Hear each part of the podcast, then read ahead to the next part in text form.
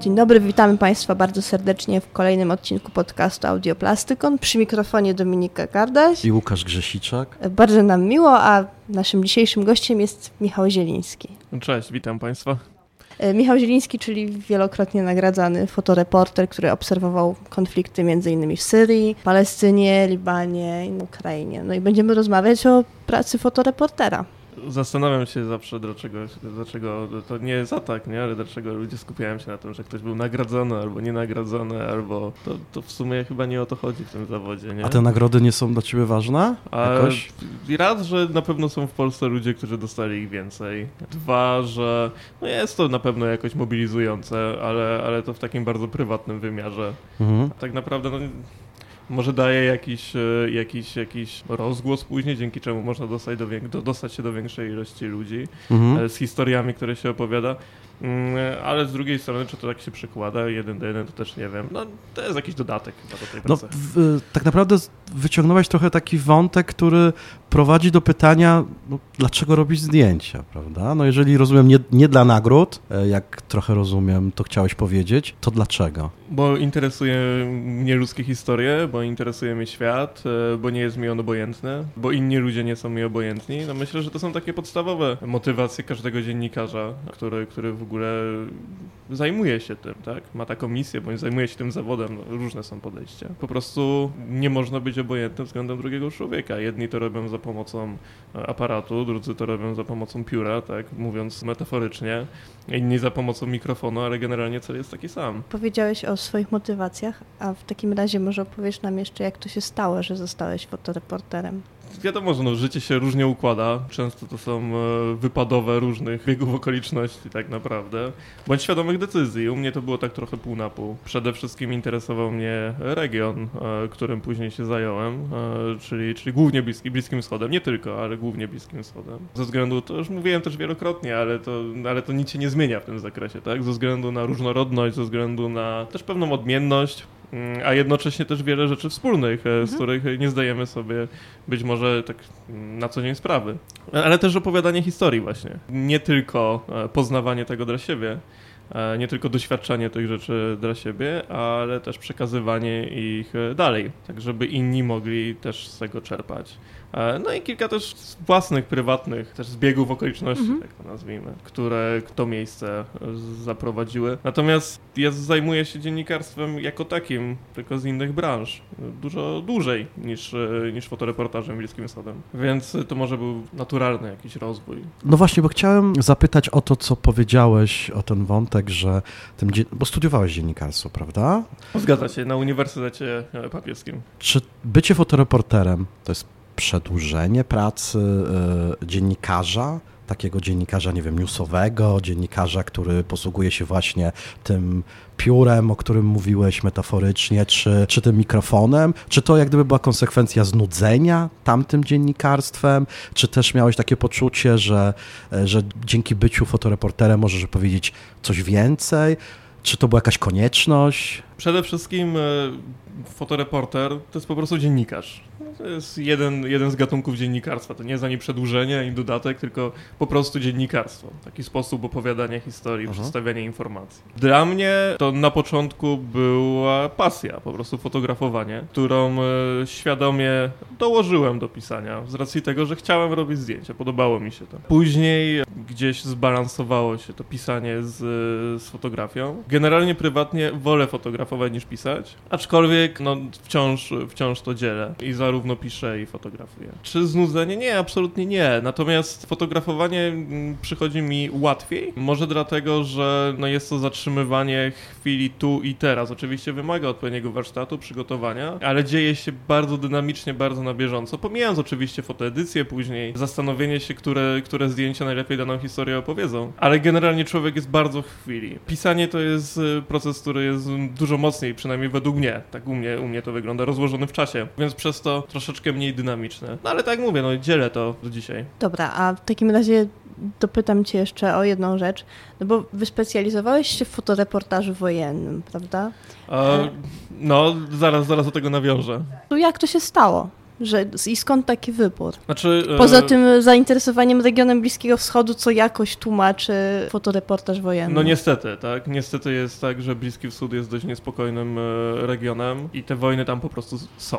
Mhm. I rzeczywiście trudno być dziennikarzem, który specjalizuje się w Bliskim Wschodzie, zajmować się tym regionem e, i nie zajmować się wojnami. No bo niestety tak, tak to wygląda geopolitycznie i z różnych innych powodów, że te konflikty są, są w obecnej chwili częścią tego regionu.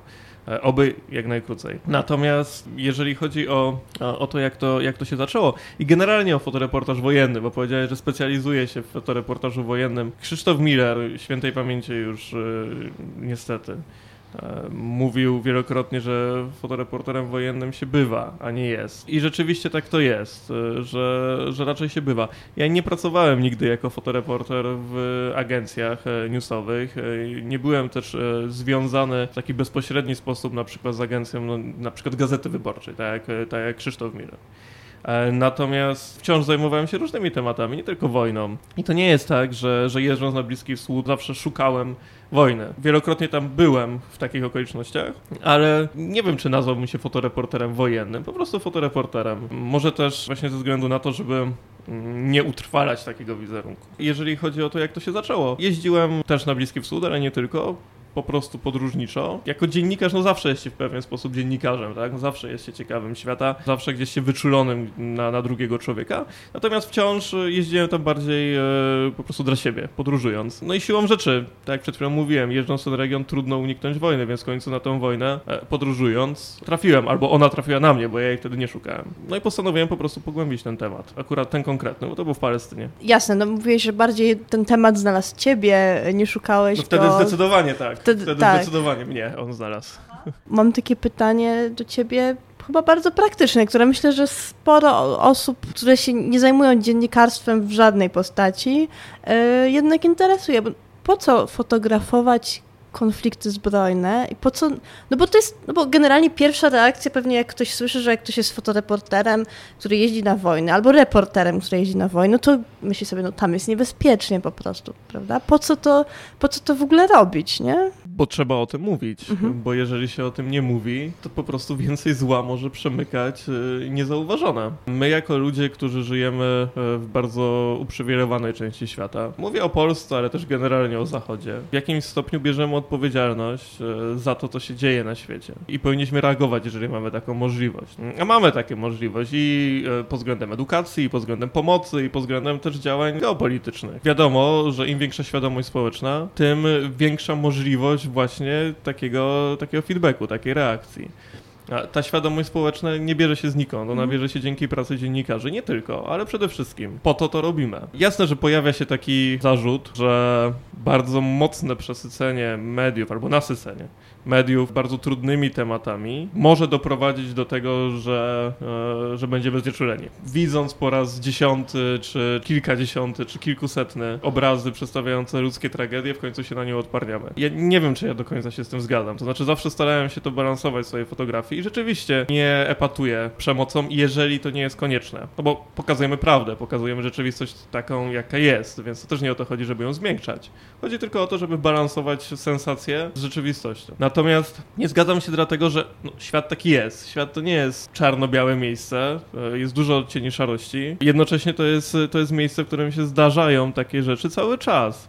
I udawanie tego, że tak nie jest, e, do, nie, nie doprowadzi do tego, że one się przestają zdarzać. Trochę może to brzmieć banalnie, no ale generalnie, generalnie na tym to polega, więc rolą dziennikarzy jest pokazywanie takich rzeczy, nie ocena tego, E, jaki to będzie miało później e, wydźwięk w takiej szerszej skali. Tak? Naszą rolą jest pojechanie tam, pokazanie tej rzeczywistości i przekazanie tego opinii publicznej. Bałeś się kiedyś? Jak, jak wiele byłbyś w stanie zaryzykować dla nie tyle dla dobrego zdjęcia, e, tylko powiedzmy dla zdjęcia, które jest w stanie no, wywołać, zwrócić uwagę ludzi na jakiś problem? Wiele razy się bałem. Myślę, że strach to, jest, to są emocje, które towarzyszą ludziom, którzy się zajmują taką pracą Nieodłącznie. Bardziej bądź mniej, ale on jest. Natomiast jeżeli chodzi o ryzyko, trudno mi tak ocenić, dlatego że często takie decyzje podejmuje się w danym momencie, w danej chwili. I nie zawsze ma się pełen obraz sytuacji, nie zawsze ma się pełen obraz konsekwencji. E, I nawet ciężko je czasem przewidzieć. Podejmując pozornie bezpieczną czynność, tak nazwijmy, czyli na przykład, nie wiem, jadąc gdzieś, może się okazać, że to, że to będzie bardzo niebezpieczne. Taki obraz sytuacyjny zresztą w ogóle w miejscu, gdzie jest wojna, jest bardzo rzadko pełny. On jest, on jest raczej fragmentaryczny. I ja zawsze starałem się to też balansować. No i jestem tutaj. Więc, więc skutecznie. Czy uniknąłem, albo może nie uniknąłem, ale czy przez to nie udało mi się pewnych rzeczy pokazać? W skali mikro, czyli poszczególnych historii, na pewno. W skali makro nie. To znaczy nigdy nie było tak, że wycofałem się, przez to w ogóle nie byłem w stanie opowiedzieć o, o, o, o danej sytuacji bądź danym miejscu. Czy to było bardzo niebezpieczne? No wiadomo, że ta granica się przesuwa e, i, i, i, z mojej perspektywy ciężko mi ocenić. Natomiast jest jeszcze jedna bardzo ważna rzecz e, dla mnie, jeżeli chodzi o tą ocenę ryzyka, o ocenę bezpieczeństwa i myślę, że o tym się mówi za mało. Dziennikarze, którzy jeżdżą na wojnę, podkreślam, jeżdżą na wojnę, nie lokalni dziennikarze, robią to świadomie. To znaczy nikt ich do tego nie zmusza.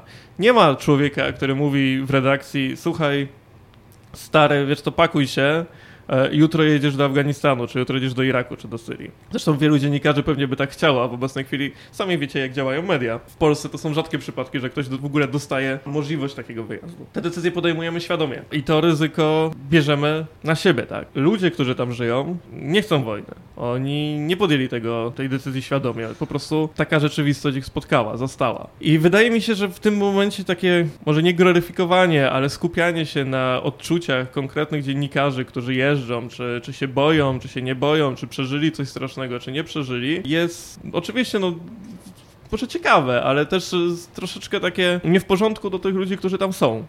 To znaczy, my opowiadamy o nich, my skupiamy się na nich, to są nasi bohaterowie, często bardzo skrzywdzeni przez rzeczywistość. I jakby tutaj e, w ogóle nie ma żadnego znaku równości, tak? Ja, który jestem tam, bo, bo chcę, i oni, którzy tam są, bo tak wygląda ich codzienność.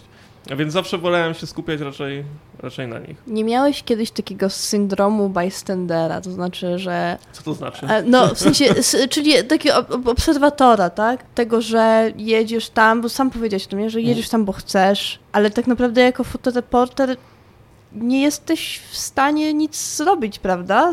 W sensie takim, że nie jesteś w stanie pomóc tym ludziom. No właśnie jestem w stanie, pokazując to, co oni, co się No tak, dzieje. tylko, tylko pokazując, w sensie, że... Albo aż, nie? Mhm. Albo aż. Znaczy wiecie, każdy ma swoją rolę. Są lekarze, są żołnierze, są dziennikarze, są duchowni i tak dalej, i tak mhm. dalej. aktywiści. Te światy gdzieś koegzystują jeżeli chodzi o, o, funkcjonowanie na przykład na konfliktach, w miejscach konfliktów, ale nie jest dobrze, kiedy się przenikają. Albo nawet nie tyle przenikają, co łączą. Jeżeli ktoś jest dziennikarzem, i jedzie w takie miejsce i podejmuje wysiłek, e, żeby, żeby dostać się w takie miejsce, co notabene w współczesnym świecie nie jest jakoś super trudne. To znaczy wyjazd do Syrii, czy do Iraku, czy do Afganistanu, to nie jest jakieś niemożliwe do ogarnięcia przedsięwzięcie. Ono jest kosztowne, ono jest niebezpieczne w jakimś stopniu, chociaż to zależy gdzie się jedzie, ale w zasadzie dostępne. No, żyjemy w świecie globalizacji. To nie jest tak, że trzeba się przedzierać e, gdzieś tam e, przez dżunglę trzy tygodnie, czy tam trzy miesiące, albo płynąć na drugi koniec świata y, żagrowcem, tylko wsiadamy w samolot, za kilka godzin tam jesteśmy. I bilet może sobie kupić każdy, no trzeba jeszcze tylko wizę w niektórych miejscach dostać, no to jest inna sprawa, ale rozumiecie, to jest mhm. po prostu przedsięwzięcie, które jest, jest dostępne. Natomiast jeżeli ktoś podejmuje wysiłek pracy tam, dostania się do pewnych źródeł, dostania się właśnie do pewnych historii, weryfikacji ich i tak dalej, i tak dalej, to powinien się na tym skupić i nie łączyć. No, często Aha. jest tak, że dziennikarze gdzieś tam łączą swoją rolę z byciem aktywistą albo, albo jakieś inne funkcje. Nie, dziennikarz tam jedzie po to, żeby przekazać informacje, po to, żeby je zdobyć, zweryfikować i przekazać dalej. To jest bardzo dużo. Jest to, jest to, jest to myślę, rzecz, która w obecnym świecie jest nieodłączna. E, mówi się, że media to jest czwarta władza i tak rzeczywiście jest. I nigdy bym tego nie umniejszał. E, bo dzięki temu, że dziennikarze te informacje przekazują, to później na przykład czy aktywiści, czy pomoc humanitarna, czy inni ludzie, którzy chcą w jakikolwiek sposób pomóc na innych polach, mogą to zrobić. No bo oni wiedzą. Choćby nawet y, pan XY, który nigdy nie ma nic wspólnego z Syrią, ale dzięki temu, że wie, co tam się dzieje, da na przykład 5 zł na ludzi, którzy potrzebują pomocy. Wydaje mi się, że ta granica pomiędzy tymi różnymi środowiskami, jeżeli chodzi o wykonywanie funkcji, jest bardzo ważna. To nie znaczy oczywiście, że dziennikarze są robotami i w sytuacjach, w których widzą czyjeś cierpienie, są na to obojętni, wręcz przeciwnie, nie powinni być obojętni. Zresztą to są bardzo często wrażliwi ludzie. Trudno być fotoreporterem, nie będąc wrażliwym człowiekiem. Więc zdarza się, że pomagają. Oczywiście, że tak, już na takim bardziej personalnym wymiarze. Albo chociażby łączą odpowiednich ludzi z odpowiednimi innymi ludźmi, którzy są w stanie taką pomoc udzielić. Bardzo często pojawia się pytanie takie, no dobrze, ale co byś zrobił, e, gdybyś był w sytuacji, w której ktoś umiera, no i ty robisz zdjęcia, tak? Albo ktoś jest ranny i ty robisz zdjęcia. No to zależy od tego, jak ta sytuacja wygląda. Jeżeli tam są ludzie, na przykład medycy, czy inni, którzy mogą udzielić pomocy, no to moją rolą tam jest fotografowanie, jestem dziennikarzem. Jeżeli jestem jedyną osobą, która może pomóc, albo jedną z nielicznych, która może pomóc, albo moja pomoc jest fizycznie niezbędna, bo na przykład jest medyk, ale on potrzebuje kogoś, kto będzie, mówię bardzo obrazowo, na przykład pomagał tamować krwawienie, no to oczywiście, że jestem przede wszystkim człowiekiem. Poza tym, ja też to już powtarzałem wielokrotnie, ale myślę, że to warto podkreślić za każdym razem. Nie ma zdjęcia, które jest ważniejsze od człowieka. My to robimy dla ludzi. To nie ludzie są dla naszych zdjęć. My tam jeździmy dla ludzi, fotografujemy to dla ludzi, przekazujemy te informacje dla ludzi. Jesteśmy tam dla ludzi. Przede wszystkim dla tych, którzy tam są, ale też dla tych, którzy są tutaj. A ja bym chciał, no tego, to pytanie nam trochę, trochę umknęło. Jak wygląda ta twoja praca na co dzień i też na jakiej podstawie podejmujesz decyzje, jak często, co tobą motywuje, żeby pojechać w jakiś konkretny rejon, prawda? Ja bardzo długo zajmowałem się tego rodzaju dziennikarstwem, dlatego że ja tak chciałem. Absolutnie nie robiłem tego zarobkowo, wręcz przeciwnie, dopłacałem do swoich wyjazdów ze względu na właśnie pewną raz, że po potrzebę jazdy tam, misję, dwa, ciekawość, po prostu, czystą ludzką ciekawość. Na co dzień wobec tej chwili skupiłem się ostatnio na projektach długoterminowych. Bardzo duży wpływ na mnie miał udział w masterclassach Seven Photo, też rozmowy z fotografami Seven którzy mają zupełnie przedefiniowane właśnie podejście do opowiadania historii względem tego, co ja robiłem wcześniej. Tak? Znaczy projekty, które są bardzo mocno pogłębiane, bardzo mocno przemyślane, które kontynuuje się do momentu, w którym nie uzna się, że są gotowe na to, żeby, żeby, żeby móc e, je pokazać innym. E, że ta historia rzeczywiście wybrzmiewa, tak? Że nie jest to, nie jest to płytkie, nie jest to zrobione po prostu po łebkach, mówiąc kolokwialnie. Bardzo mocno przedefiniowało to moje podejście do fotografowania i w obecnej chwili skupiam się tylko na tym. Mam kilka projektów, które już od jakiegoś czasu, kilka to jest może za dużo powiedziane, dwa, które od jakiegoś czasu e, rozwijam i one będą gotowe, jak będą gotowe. E, z racji tego, że to nie, nie jest w obecnej chwili jedyny sposób, w którym zarabiam na chleb, nie zależy mi na tym, żeby one powstały jak najszybciej. A zdradzisz trochę, co to są za projekty, czy nie możesz? Mogę, natomiast z racji tego, że one są jeszcze nie gotowe, to nie chciałbym Jasne. się chwalić, bo nie wiadomo, jak one się będą rozwijały. Ja też nie mam oczekiwań. To znaczy, może się okazać, że bohaterowie stwierdzą, że, nie są gotowi na to, żeby o nich opowiedzieć, a to nie są łatwe historie. I ja to w pełni akceptuję. Jakby taka, takie zdjęcie presji z pracy fotoreportera, gdzie to jest zawód pod olbrzymią presją, cały czas. Ja mam wielki szacunek do kolegów z e, agencji, do kolegów, którzy są związani z konkretnymi tytułami, bo doskonale zdaję sobie sprawę, jaka to jest presja, jak trzeba, no, jak, jakie to jest życie, na jakich obrotach. Ja tą presję z fotografowania ściągnąłem w ogóle. I to daje niesamowity komfort pracy.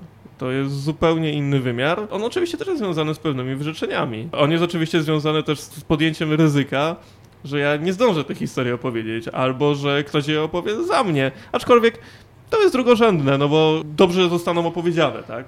Potem każdy z nas troszeczkę inaczej postrzega rzeczywistość, zwraca uwagę na inne rzeczy, więc być może mm, będzie można opowiedzieć nie tylko raz. E, natomiast wciąż e, zdając sobie sprawę z różnych następstw, poczucie, że jest to rzecz, którą mogę robić w swoim tempie, daje niesamowity, niesamowity komfort. Ale to wymagało podjęcia, tak jak mówiłem wcześniej, wielu trudnych decyzji, no i też e, przedefiniowania. Jestem bardzo wdzięczny fotografom z Seven Photo, między innymi Maćkowi Nardalikowi, który właśnie tak podchodzi do fotografowania. No i według mnie jest jednym z najlepszych, o ile nie najlepszym fotoreporterem w obecnej chwili w Polsce. Pewnie już dostawałeś takie pytania, ale czy masz jakieś swoje najważniejsze zdjęcie zdjęcie, jakie zrobiłeś dotąd? Jakieś, które darzysz, nie wiem, albo fotoreportaż cały, który darzysz szczególnym sentymentem i jakby wiesz, że to jest, masz no jakiś po prostu szczególny związek z nim? Ja mam szczególny związek z każdym zdjęciem, które zrobiłem, ponieważ każde powstało w sytuacji, która zapadła mi pewnie już na zawsze w pamięci. To były bardzo trudne sytuacje i dla tych ludzi, których fotografowałem, i dla mnie. Więc y, nie mam e, konkretnego ulubionego zdjęcia. Zresztą w ogóle nie wiem, czy można mówić jako, o tych zdjęciach jako ulubione, ale takiego, które jest dla mnie najważniejsze. Często jest tak, że wracam do swoich zdjęć sprzed kilku lat i odkrywam w nich nowe rzeczy. Albo w ogóle w archiwach, które gdzieś tam są cały czas, gdzieś tam trzymam. E, I, I, zdjęcia, które pominąłem wtedy, teraz nabierają nowego wydźwięku. Może też ze względu właśnie na czas, na dystans, ale też na to, że no, wszyscy się rozwijamy pracując. Ja się cały czas uczę, cały czas, cały czas się rozwijam, e, zauważam nowe rzeczy w fotografii. Jeżeli chodzi o okres fotografowania, który jest dla mnie najważniejszy, no to zdecydowanie, zdecydowanie moje wyjazdy do Syrii. Poznałem tam, może nie masę, ale wielu ludzi, wspaniałych ludzi, jako, jako ludzi na tym poziomie wykraczającym poza grupę etniczną, poza religię, poza jakiekolwiek rzeczy, które nas odróżniają od siebie, którzy przechodzili przez naprawdę dramatyczne, straszne rzeczy. I w obliczu tych rzeczy zachowywali wciąż nie tylko swoje człowieczeństwo, ale też często dziarskość, może tak to nazwijmy. Pewną pogodę ducha, pewną chęć, żeby to wszystko dalej e, ciągnąć i robili to świadomie. To jest, to jest olbrzymia rzecz, to znaczy ja, ja, mam niesamowity szacunek do tych ludzi. I takie spotkanie z tymi ludźmi niesie wiele refleksji i wiele, też dodaje siły po prostu. No. Dla mnie bardzo ciekawy jest zawsze ten, ten związek, zresztą sam o nim trochę mówiłeś, między fotoreporterem a jego zdjęciem. E, kiedy pracowałem w redakcji newsowej i tam byli fotoreporterzy, nawet z jakiejś banalnej konferencji prasowej, oni zawsze byli w stanie poznać, że to jest ich zdjęcie, a nie mhm. zdjęcie kolegi. Na jakiej podstawie fotoreporter wśród bardzo wielu podobnych zdjęć jest w stanie zawsze powiedzieć, tak, to jest moje zdjęcie? No, może nie zawsze, bo myślę, że takie pomyłki się zdarzają, ale w większości Bardzo wypadków, często. Aha. W większości wypadków, e, no bo jest twórcą. To jest prosta sprawa. Jasne, że opowiada o sytuacjach, które miały miejsce. E, jasne, że nie interpretuje tych sytuacji, tylko przekazuje je jeden do jeden, chociaż no, to jest też subiektywne bardzo, tak? Fotoreporter jest zawsze subiektywny, więc jest to pewien sposób przepuszczenia tego, co się dzieje wokół nas przez filtry, które, które mamy, tak? E, przez, przez, przez, przez nas. I to jest właśnie ten element bycia twórcą. To my decydujemy, w którym momencie wyzwalamy spust migawki, w jaki sposób to robimy, jak są ustawione parametry aparatu, które zdjęcie później pokazujemy, jak przebiega postprodukcja. Oczywiście w fotoreportażu ta postprodukcja jest ograniczona, ale wciąż, e, wciąż jesteśmy odpowiedzialni za pewne decyzje. Więc to, e, w jaki sposób opowiadamy tę historię, wizualnie jest, e, jest naszą decyzją. I ten pierwiastek każdego fotoreportera przez to w tym zdjęciu jest. To nie jest bezmyślne stamplowanie, tak? Na zasadzie kopiuj w klej. I to myślę, że to jest, to, jest, to jest kwestia tego, tak? Jeżeli podjęło się tyle kluczowych dla danego obrazu, świadomych decyzji, zostawiło się w nim cząstkę siebie, e, też jest związane z pewnymi emocjami, które się przeżywało w danej chwili. Bardziej bądź mniej intensywnymi, ale wciąż są, bo niezależnie od tego, czy to jest konferencja, czy to jest pierwsza linia frontu, to te emocje są. Trudno później, e, żeby to zdjęcie było zupełnie bez, bezosobowe dla, dla, dla fotoreportera. Czy fotoreporter może kłamać swoim zdjęciem? Bo mówisz o tym, że, że nie interpretujemy tej rzeczywistości, tylko ją przekazujemy, mhm. prawda? Bo ty się trochę z tego wycofałeś, bo mówisz, no ja decyduję, kiedy naciskam spust migawki, ja decyduję, to, co jest mhm. w kadrze, a co jest poza kadrem, co czasami też jest bardzo znaczące. No bo dziennikarz to jest prosty, tak? W sensie taki, który pisze. No z myśli napisze nieprawdę, nie wiem, poda dane fałszywe, zmieni nazwisko, przekręci albo coś tam. Jesteśmy w stanie to jakoś tam wyłapać. A jak z tym fotoreporterem?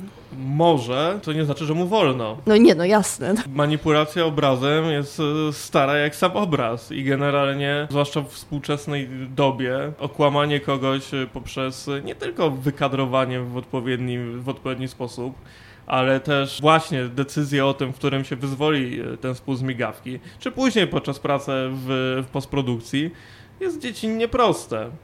E, no tylko, że teraz jakby sięgamy do źródła dziennikarstwa, czyli do etyki dziennikarskiej. Zachowania nieetyczne w dziennikarstwie są. Niestety. Nie powinno ich być, ale one są. Natomiast e, no to jest coś absolutnie nagannego. Jeżeli ktoś w ten sposób podchodzi do dziennikarstwa, to znaczy nie powinien być dziennikarzem. Zdarza się, że dziennikarz wprowadza w błąd nieświadomie. To znaczy, nie ma pełnego obrazu sytuacji, nie zweryfikował informacji, nie zastanowił się nad tym na przykład, co publikuje, ale to wciąż świadczy o tym, że jest złym dziennikarzem, że jest słabym dziennikarzem, bo to jest część takiego mhm. warsztatu. E, praca fotoreportera nie polega tylko na tym, żeby sfotografować zdjęcia. Fotoreporter musi mieć świadomość tematu, e, musi znać kontekst, musi wiedzieć, gdzie fotografuje, dlaczego fotografuje. E, musi weryfikować tak samo jak każdy inny dziennikarz informacje. I wreszcie bierze odpowiedzialność później za swoje zdjęcia, bierze odpowiedzialność za to, w jaki sposób je pokazuje, jak one są ułożone podczas fotoedycji, dlaczego akurat te i nie inne i czy odzwierciedlają rzeczywistość w taki sposób, jaki jest z nią zgodny po prostu. Zaniechanie któregokolwiek z tych etapów jest po prostu niekompetencją. Niezależnie od tego, czy to jest świadome, czy nie. Czy to się zdarza? No zdarza, no oczywiście, że się zdarza, no bo wszyscy jesteśmy ludźmi.